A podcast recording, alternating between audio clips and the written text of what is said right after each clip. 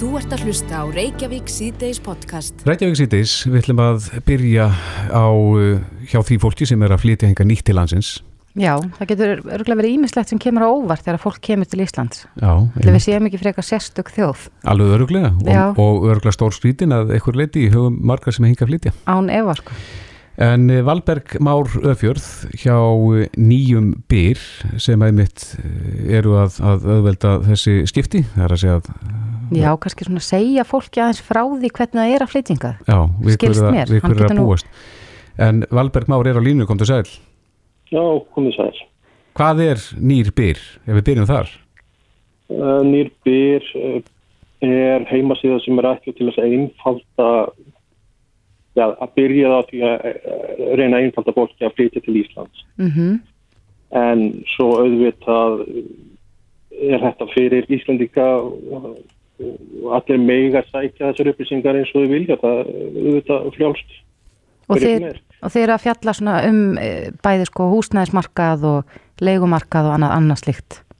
Já, sem sagt að aðeins að reyna að gera þetta auðvelt. Þetta er ekki mjög augljóst að við komumst að Mm og þá spratt þessi hugmynd að koma þessu saman. Leigumarkarinn í Íslandi er rosalega klikkaður og því leitinu til að þessar upplýsingar eru út um allt. Það er hellingur af síðum og grúpum á Facebook og svo frammeins.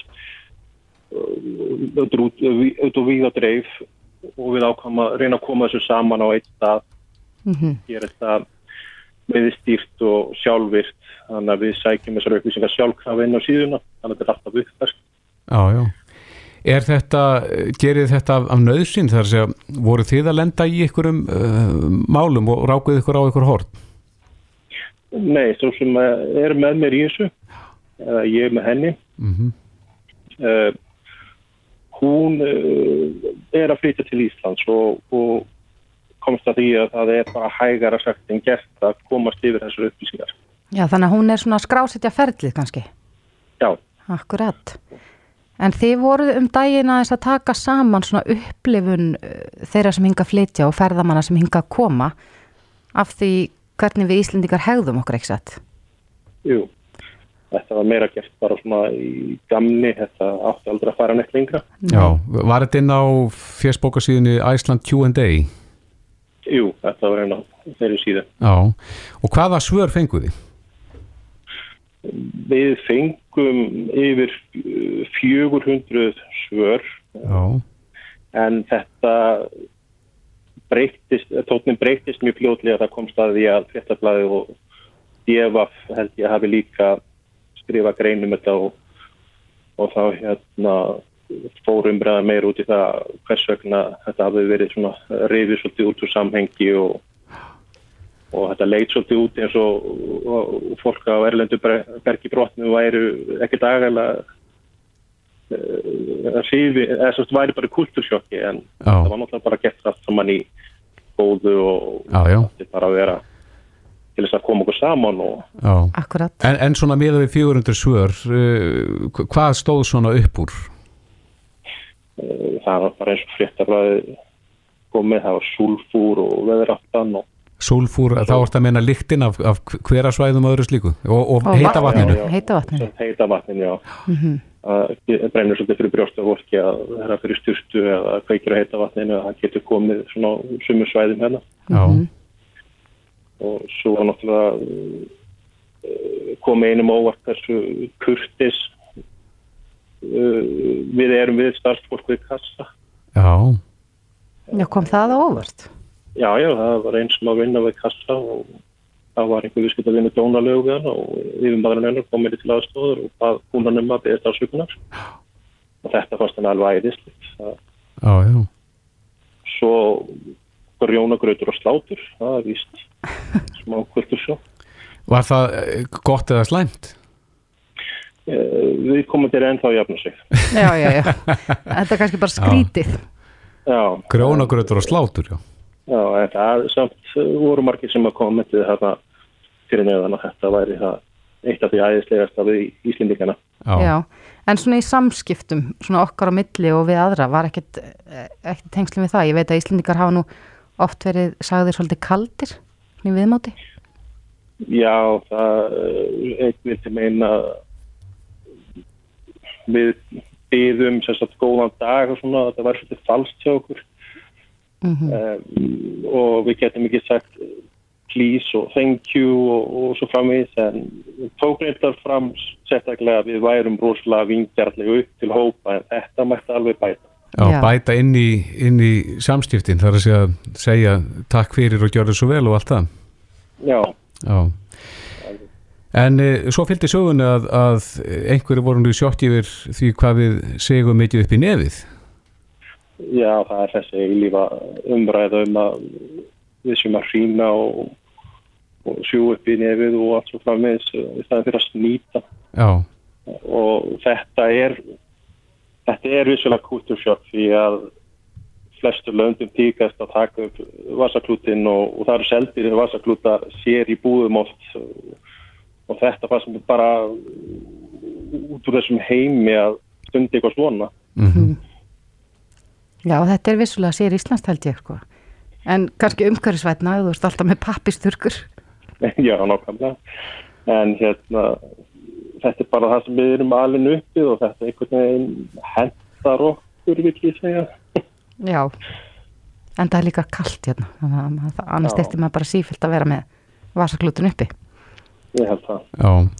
En nýrbyr.com, eh, þetta er, er síðan það sem að þið haldið öllu þessu saman. E, og fólk getur farið þarna inn og, og þetta verður svona miðlægur gagnagrunnur, segiru, fyrir þá sem eru að, að flytjast hingað. Já, og við erum búin að bæta við annari töflu þar sem að fólk getur leitað að vinnu. Já, og núna næstunni notaðir bílar.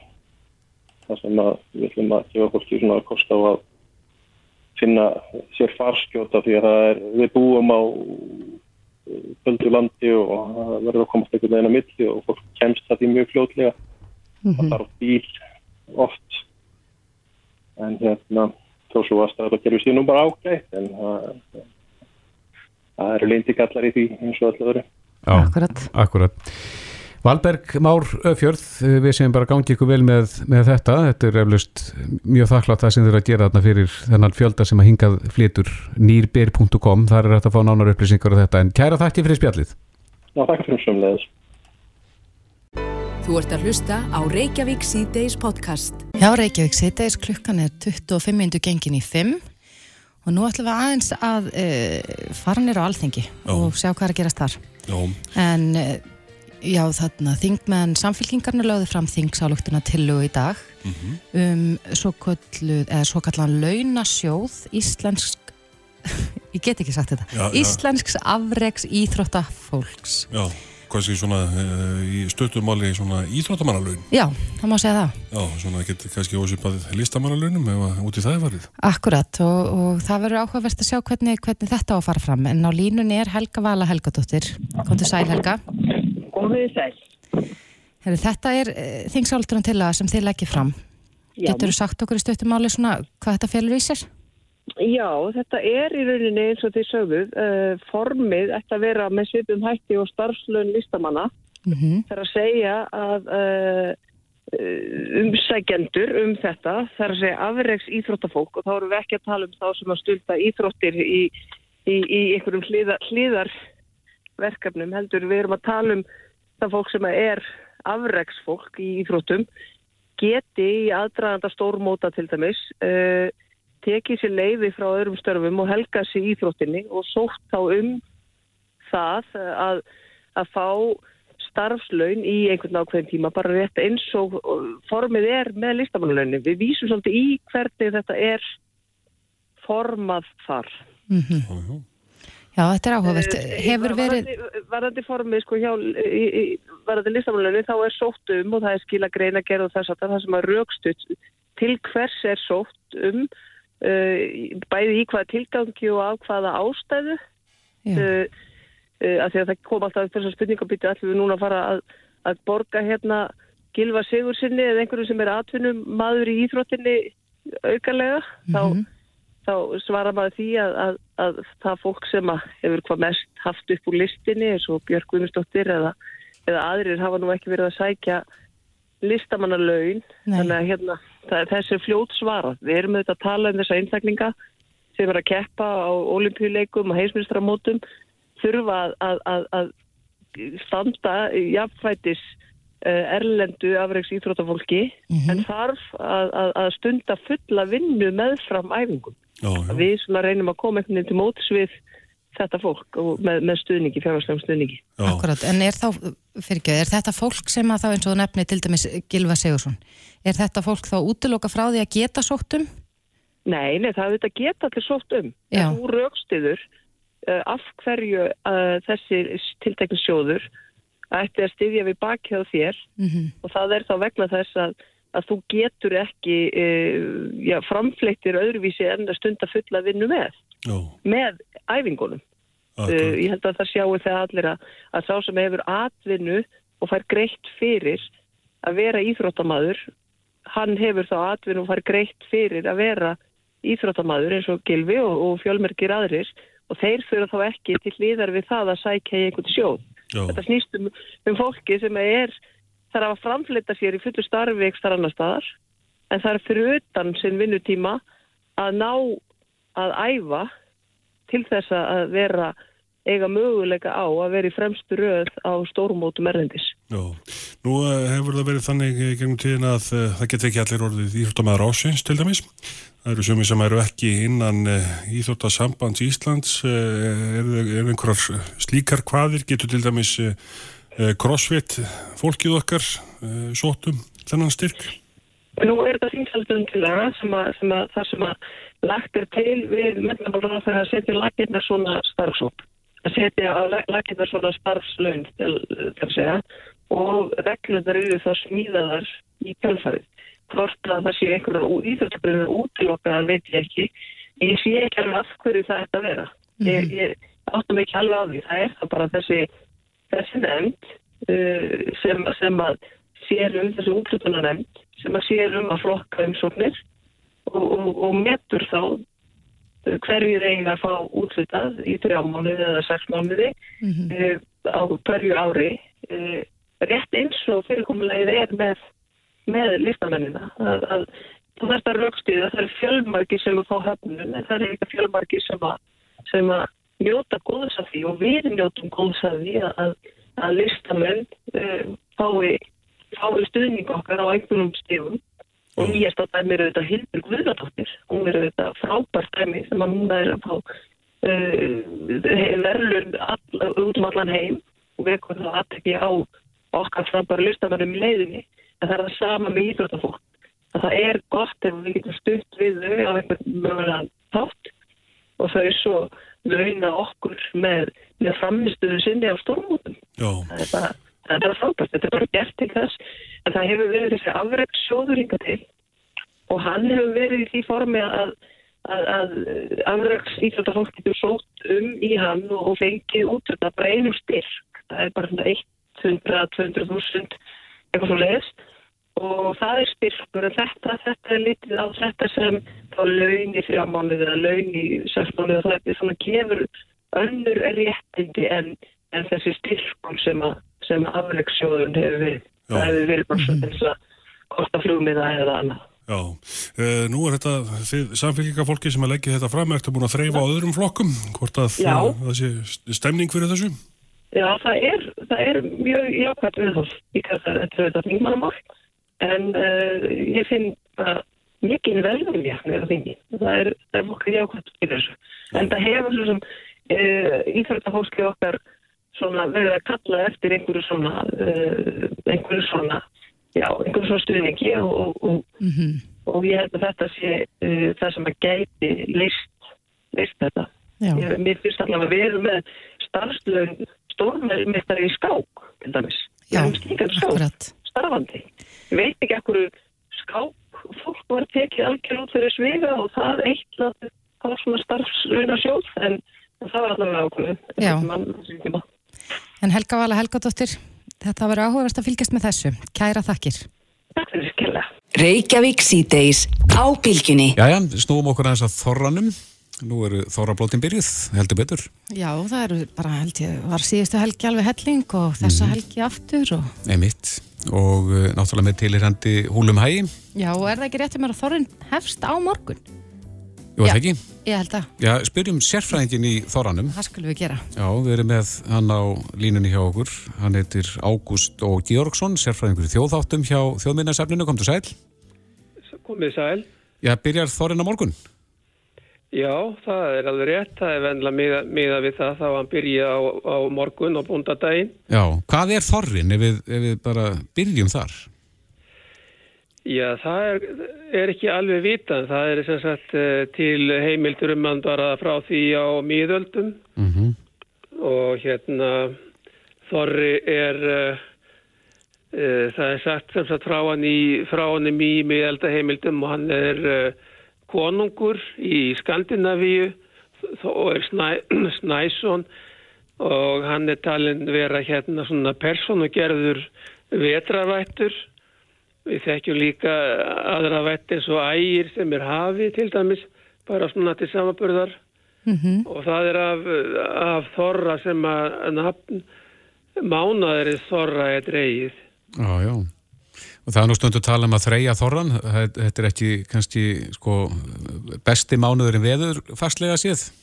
Jú, jú, en það hafa menn uh, svo sem haft ímsar hugmyndir um uh, hvað þorri merki. Það er meðal þess að tala um að það merki að þverra. Uh, en hann er líka tengdu nafni Þórs, mm -hmm. ásakbuðsins Þórs, uh, sem að geti þá verið eitthvað skona gælunafn á honum. Já, Þetta er svona uh, uppbrunnin á, uh, á, á, á nafninu og þorra. en hvenar líkur þorran? Hann hefst á morgun með bóndadegi og hvenar er, uh, já, hvenar líkur hann? Já, hann er líkur eftir svona cirka mánuð. Og Er- hvað, þá tekur hvað góan við? Þá tekur við góa, já. Já. En uh, þessi tenging milli eh, matarins, það er, það er súrmatur og, og þorrin. Hva, hvenar hefst sú tenging?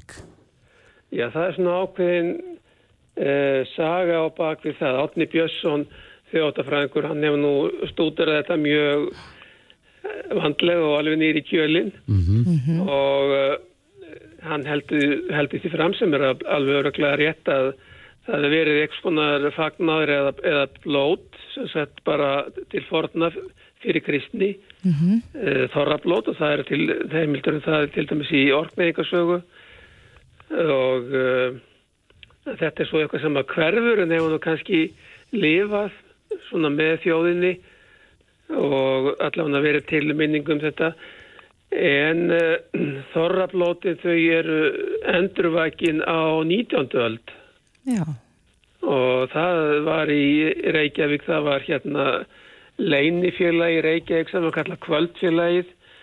Og það eru til bísna góður heimildir um það að þau halda þorrablótur 1867 Já. og síðan eru það stúdendar í Kaupanæft sem að uh, taka þetta upp líka ára 1873 og heldur þorrablót þannig það þetta er nú svona upphafið á þessu já en, en þessi tenging með matinn, súra matinn, hefur það alltaf verið, eins og þú segir, síðan 1800 og eitthvað, eða lok 19. aldar, þessi matur Ég á bóðstólum? halda það að, það að það væri sko en ef við verum að tala um þetta eins og þetta hefur verið á 20. stöldinni mm -hmm.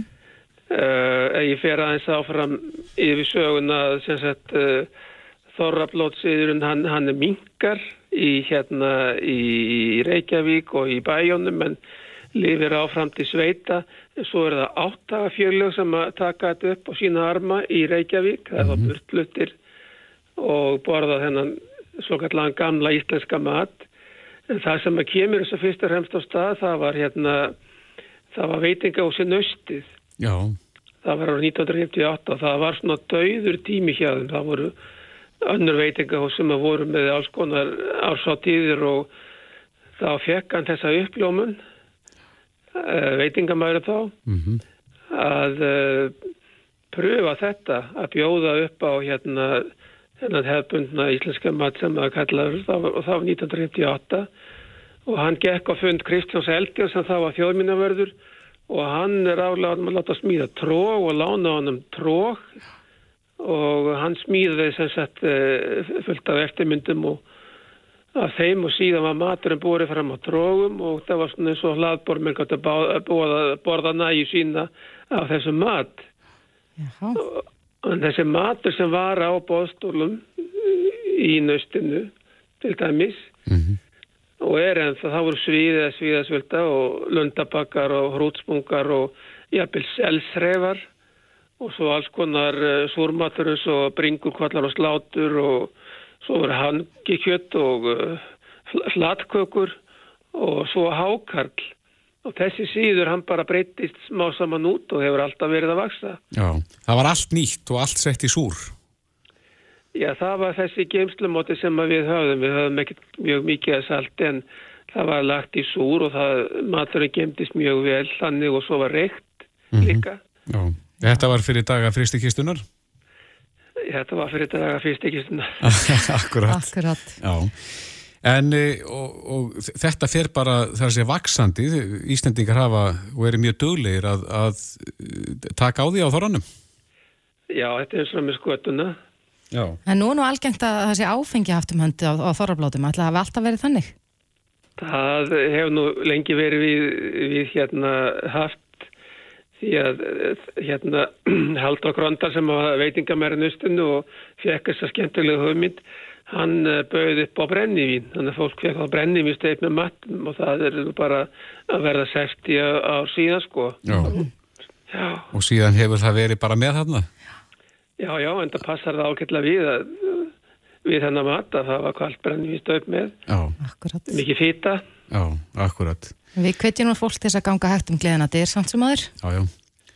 Fara varlega í, í allt saman en, en þetta er ansi eh, merkilegt. Kæra þætti verið að fara við þetta með okkur. Nú veitum við nánast allt um Þorran. Ágúst Georgsson, sérfræðingur í þjóðáttum hjá þjóðminnarsafninu. Takk, takk. Já, takk Fréttir og fróðleikur. Reykjavík síðdeis á bylgjunni. Já, ég er veik síðdeis. Við ætlum nú aðeins að uh, kanna hvernig staðan er fyrir vestan eftir að, að það hefur verið rámakslust víða þar. Já, við erum búin að, búin að fá fréttir af því að ramagnir hefur slegið út uh, fyrir vestan, uh, ótt og títt núna á undanfætnu vikum Já, og það gerðist í morgun þar sem að ramagn sló út já, og uh, þetta náttúrulega er mjög bagalegt fyrir íbúa og ekki síst fyrir fyrirtæki, við talum ekki um framlegslu fyrirtæki sem að þurfa að reyða sig á ramagnið. akkurat. Það er erfitt að vera í rekstri þegar að, rámagnið klikkar Já, ítrekkað. Jóhann Bæring Gunnarsson, framlegslu verkvæðingur hjá Keresis, er á línunni. Keresis er einmitt eitt af þessum framlegslu fyrirtækjum á Ísafirði. Kom til sæl. Já, heil og sæl. Já, hvernig er að eh, vera í rekstri og búa við svona stjert öryggi þegar það kemur á ramagninu? Erðu, það er spenna í því maður. Já, Það má segja það. já. Þið, þið fengu vænas skamt af ramagsleysi í morgunni þegar ekki? Jó, við gerum það reyndar. En uh, rafmagnir dætt út hérna í kringum háttegið, eða rétt fyrir háttegið. Og uh, síðan kom ykkur, ykkur meiri bílu hjá, hjá þeim sem eru að aðfætta okkur orkuna. Þannig að, þannig að við komist ekkert inn hérna fyrir, fyrir einhverju tíma setna, sko. Nei, og hvernig, hvaða áhrif hefur þetta á fyrirtæki eins og ykkar? Þetta, eh, eins og ég segi, þetta, þetta getur haft áhrif að, að, að við, við þurfum stöðut að, að, að vera á tánum og hlaupa til ef að eitthvað kemur svona upp á sko. og hérna og ef, ef þetta er að fara á kvöld og ef eitthvað slíkt og þá er okkur ekki sama um okkar búna þannig að við, það fer alltaf ykkur maður og kíkir, kíkir við þannig að að, hérna hvað það sé ekki allt góða En hefur ástandi verið nokkuð óstöðugt að undarförnu, undarfarna vikur eða hvað? Ég allir, maður getur ekki sagt bara að það sé bara eins og, eins og veðráttin er búin að vera, hún er náttúrulega búin að vera hræðileg. Það er bara, ég held að það sé allir landsmenn samanlega það. Já. En eru þið með eh, einhverja tölur um það, sagt, hvers konar áhrif þetta er að hafa á reksturinn hjá ykkur? Eh, ekki svona í, í, í fljótu bræði, þetta er þetta náttúrulega bara þannig að, að, að, að þetta, er, þetta er náttúrulega fyrst og fremst bara tröflun Mm og hérna, og það er ekkit, og ég ætla ekki að segja að þetta skri, skrifist alfað og ramagni, það er líka bara á samgöngum með hvernig veðráttin er búin að vera hérna, -hmm. hérna síðustu vekurnar sko. Já. Þannig að það, það náttúrulega hefur mjög heilmikið áhrif á, á bara, veist, að fólk komist til og frá vinnu líka, sko. Hvað, hvað segir fólk almennt um þetta á, á þessu svæði? ég veit það ekki, ég held að ekki flesti fannir að skoða auðlýsingar bara uh, um að komast í kanari sko.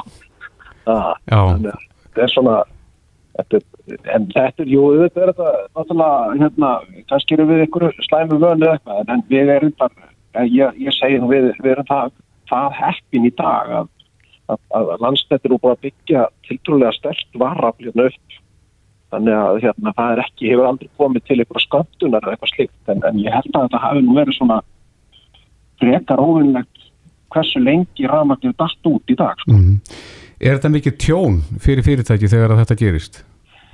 Eh, það getur verið það sko, sem betur fyrir við sko, eh, ekki mikið lent í ykkur svona tjóni eh, en annað en það getur, getur kannski hérna, skemmst framlýslu lotað eða eitthvað slíkt en, en við, við höfum 7.9.13 í vetur verið tildulega heppin með það sko Já, en það skrifast á að hefni. Já, ég menna ef að, ef að dettur út uh, í, í lengri tíma þá náttúrulega erum við ekki veist, það er ekki eitthvað sem við gerum ráð fyrir að eiga sjálf eitthvað vara að bíl sko. En það er vissulega er það eitthvað sem við erum farin að skoða Mm. Já, já, og menn eru að skoða svona hvernig hægt er að tryggja orkuður ekki þarna á svæðinu en, en e, við stiljum það að þetta er bagalegt þegar, að, þegar þetta gerist og ítrekað á, á sama svæðinu. Já, já, Já. Jóhann Bæring Gunnarsson, framleyslu verkvæðingur hjá Keresis. Bestu hverður vestur? Já, og bara, hérna, takk fyrir heyrjast Send okkur tölvupóst. Reykjavík at bylgjan.is Reykjavík síðdeis. Nú hafa uh, opnatími leikskólana verið mikið, mikið til umræðu hérna undarfarnu en Reykjavíkuborg ákvað á dögunum að stitta opnatíma leikskólanum 30 myndur og í dag las ég þá að vísi að hún Þórtís Lóa var að segja frá því að borgaráð hafi í dag ætla að ræða til um að ráðist verði ítalegt í jafnbrettismat á þessum áhrifum. Þess að hvað áhrif þetta hefur á, á fjölskyldur. Já. en eh, hann Smári Jökull Jónsson er kennari og hann tjáði sig aðeins um þessa styttingu inn á, á vísi.is í dag.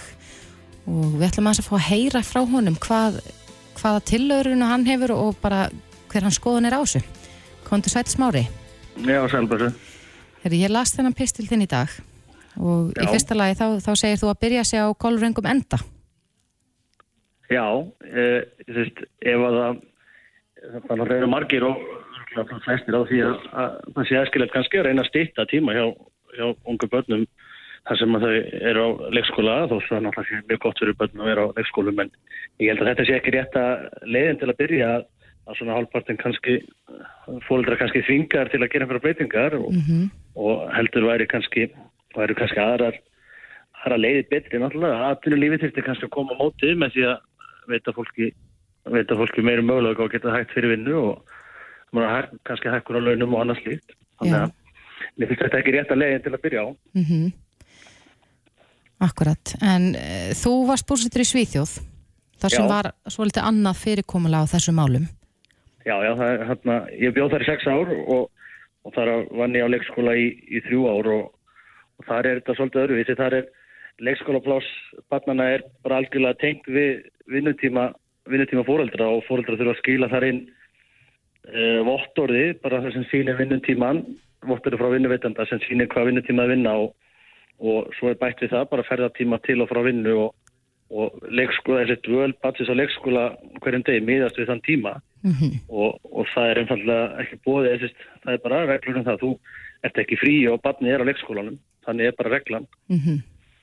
þannig að einhverjum geti fundið þetta einhverjur kannski aukar í hináttina að, að, að þarna en, en þannig, er, þannig er þetta náttúrulega Já, en heldur að þetta væri gerlegt hérna? Já, menn ef þetta virkar þar, þá ætti þetta nú að virka hér líka. En þetta er náttúrulega þetta er náttúrulega tölvert, mikla breytingar því að þess að þarna eru leikskóla eins og leikskóla sem ég var ná var opinn frá klukkan 7 til 7 á morgnana til klukkan hálf 6 eða 6 á daginn.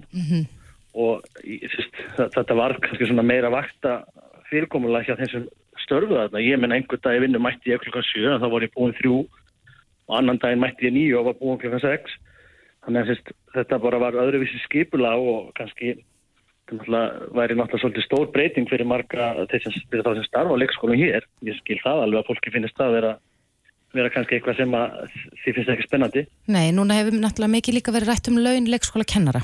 Það sem að, að, að mögulega ætti bara að hækka launin frekar heldur en að breyta vinnutímanum. Og þú vannst á leikskóla í Svíþjóð, var, voru launakjörin svipuð þar? Uh, ég svo sem, sko, það er kannski svolítið erfitt að átt að sjá því. Ég var náttúrulega á þessum tíma þarna fljótlega eftir hrun, þá var ég að vinna þarna sem að það er kannski svolítið erfitt að bera saman en, en það var allavega, sko, ég, ég hugsa að mentaði leikskólakennari í Svíþjóð hafið það nú, þú veist, fáið nú svona, ef þú tekur hlutfarslega með hvernig það er að lifa þar og lifa hér, aðeins, aðeins betur laun. Mm -hmm. En þetta er þetta náttúrulega eitthvað sem að, þess að, er eitthvað væri, væri út af því að það er að ræða mönnur á leikskólum og að þetta að hjálpa til við að manna álagstíma á leikskóla betur Já. og ég skil það alveg, það er náttúrulega vandamál og ég skil alveg að, að það þarf að, þessi tíð náttúrulega sammála því að það þarf að laga það mm -hmm. en ég myndi að halda að, að hækkun og launum væri það sem myndi hjálpa mest þar til mm -hmm. Vinnu umhverju náttúrulega er eitthvað líka sem skiptir fólk máli og að geta vera kannski búin fyrir að daginn eins og vantalega leikskólakennarar yfir með þessum breytingum mm -hmm. en ég held að allir sem að starfa á leikskólanum væri sammála það að kjörin myndi náttúrulega að hækka kjör myndi náttúrulega breyta miklu. Það hlýtur að gera starfi meira aðlandi Já, ég trú því að líka verið að tala um að, að þetta hafi breyst helling þegar að, að e, námið var lengt svo um munnar Já, já, það er náttúrulega kannski sést, ef þú sérð fyrir þér að þú sést í háskóla í fimm ára og svo kannski eru launin ekki há, þá er mm -hmm. kannski skiljanlegt að, að fólk sést, að fólk velji ekki þetta ná Já, okkur að þú leiti kannski í annað leiti kannski annað, en það er náttúrulega skiljanlegt það mm -hmm. þurfa allir að, að lifa og vera með góð laundi þess mm -hmm. Já, það verður allavega þetta, það er allavega eitthvað í gangi í borginni nú nútað þessu og, og eins og ég saði frá einna rétt á hana þá er verið að var rætt í dag eða mögulega er verið að ræða, ég er ekki alveg klára því að ráðist verði í ítalegt jafnbreytismat á áhrifum þessa breytinga, þessara breytinga Já, ég ætlum bara að vona að, að verði skoðaði sem flestir fletir og sem mér finnst þetta sko, ég hef ekki enns í rauk fyrir því sem sagt hvað, hvað með þá fórildra sem að bara ráð ekki þessar breytingar bara koma virkilega illa við þau. Mm -hmm. Það sem að kannski er annarkort einstætt fórildri sem vinnur til halv fimm eða, eða bara tveir fórildra sem eru með þennan vinnutíma að vinna frá halv nýju til halv fimm eða, eða hvað sem það er. Tveist, hvernig eiga þau að leysa þetta?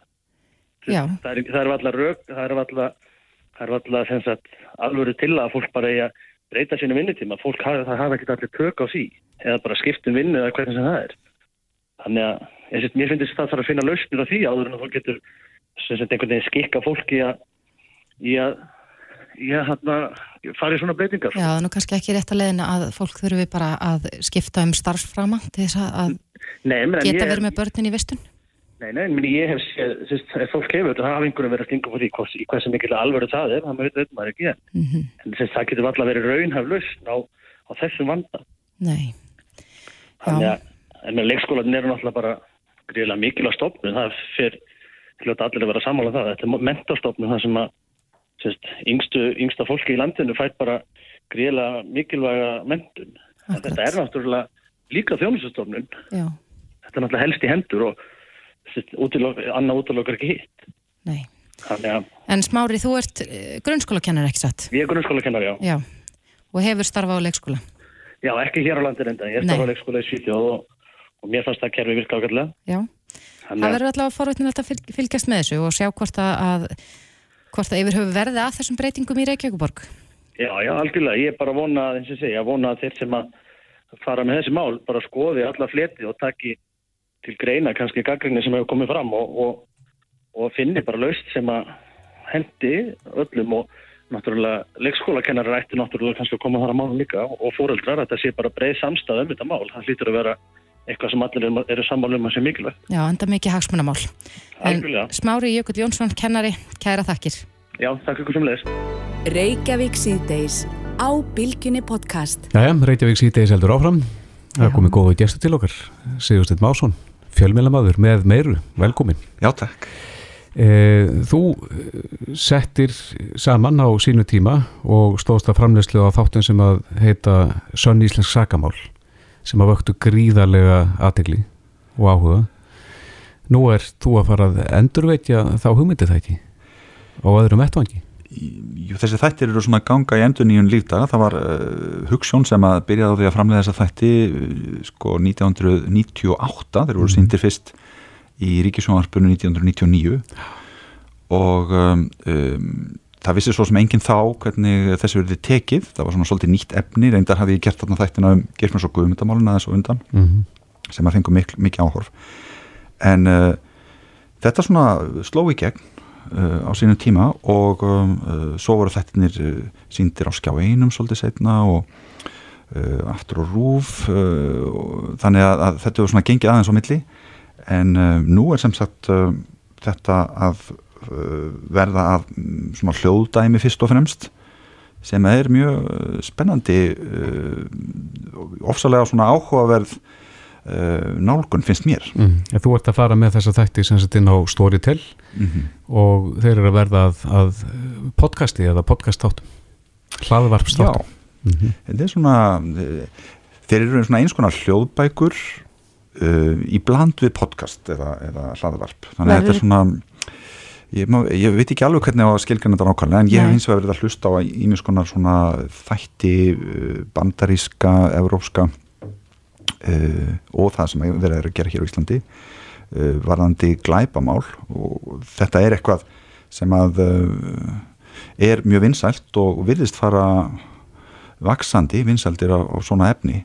Um, þannig að ég verið að reyna svona aðeins að sækja mér hugmyndir og, og, og vera ekki með alveg endurtekningu af þáttunum sem, að- sem að voru en það náttúrulega gilda önnur lögmál svo litið eins og þið þekkið náttúrulega enn betur en ég. uh, með uh, útvarpið og hljóðið heldur en þegar þú hefur myndina líka Mhm.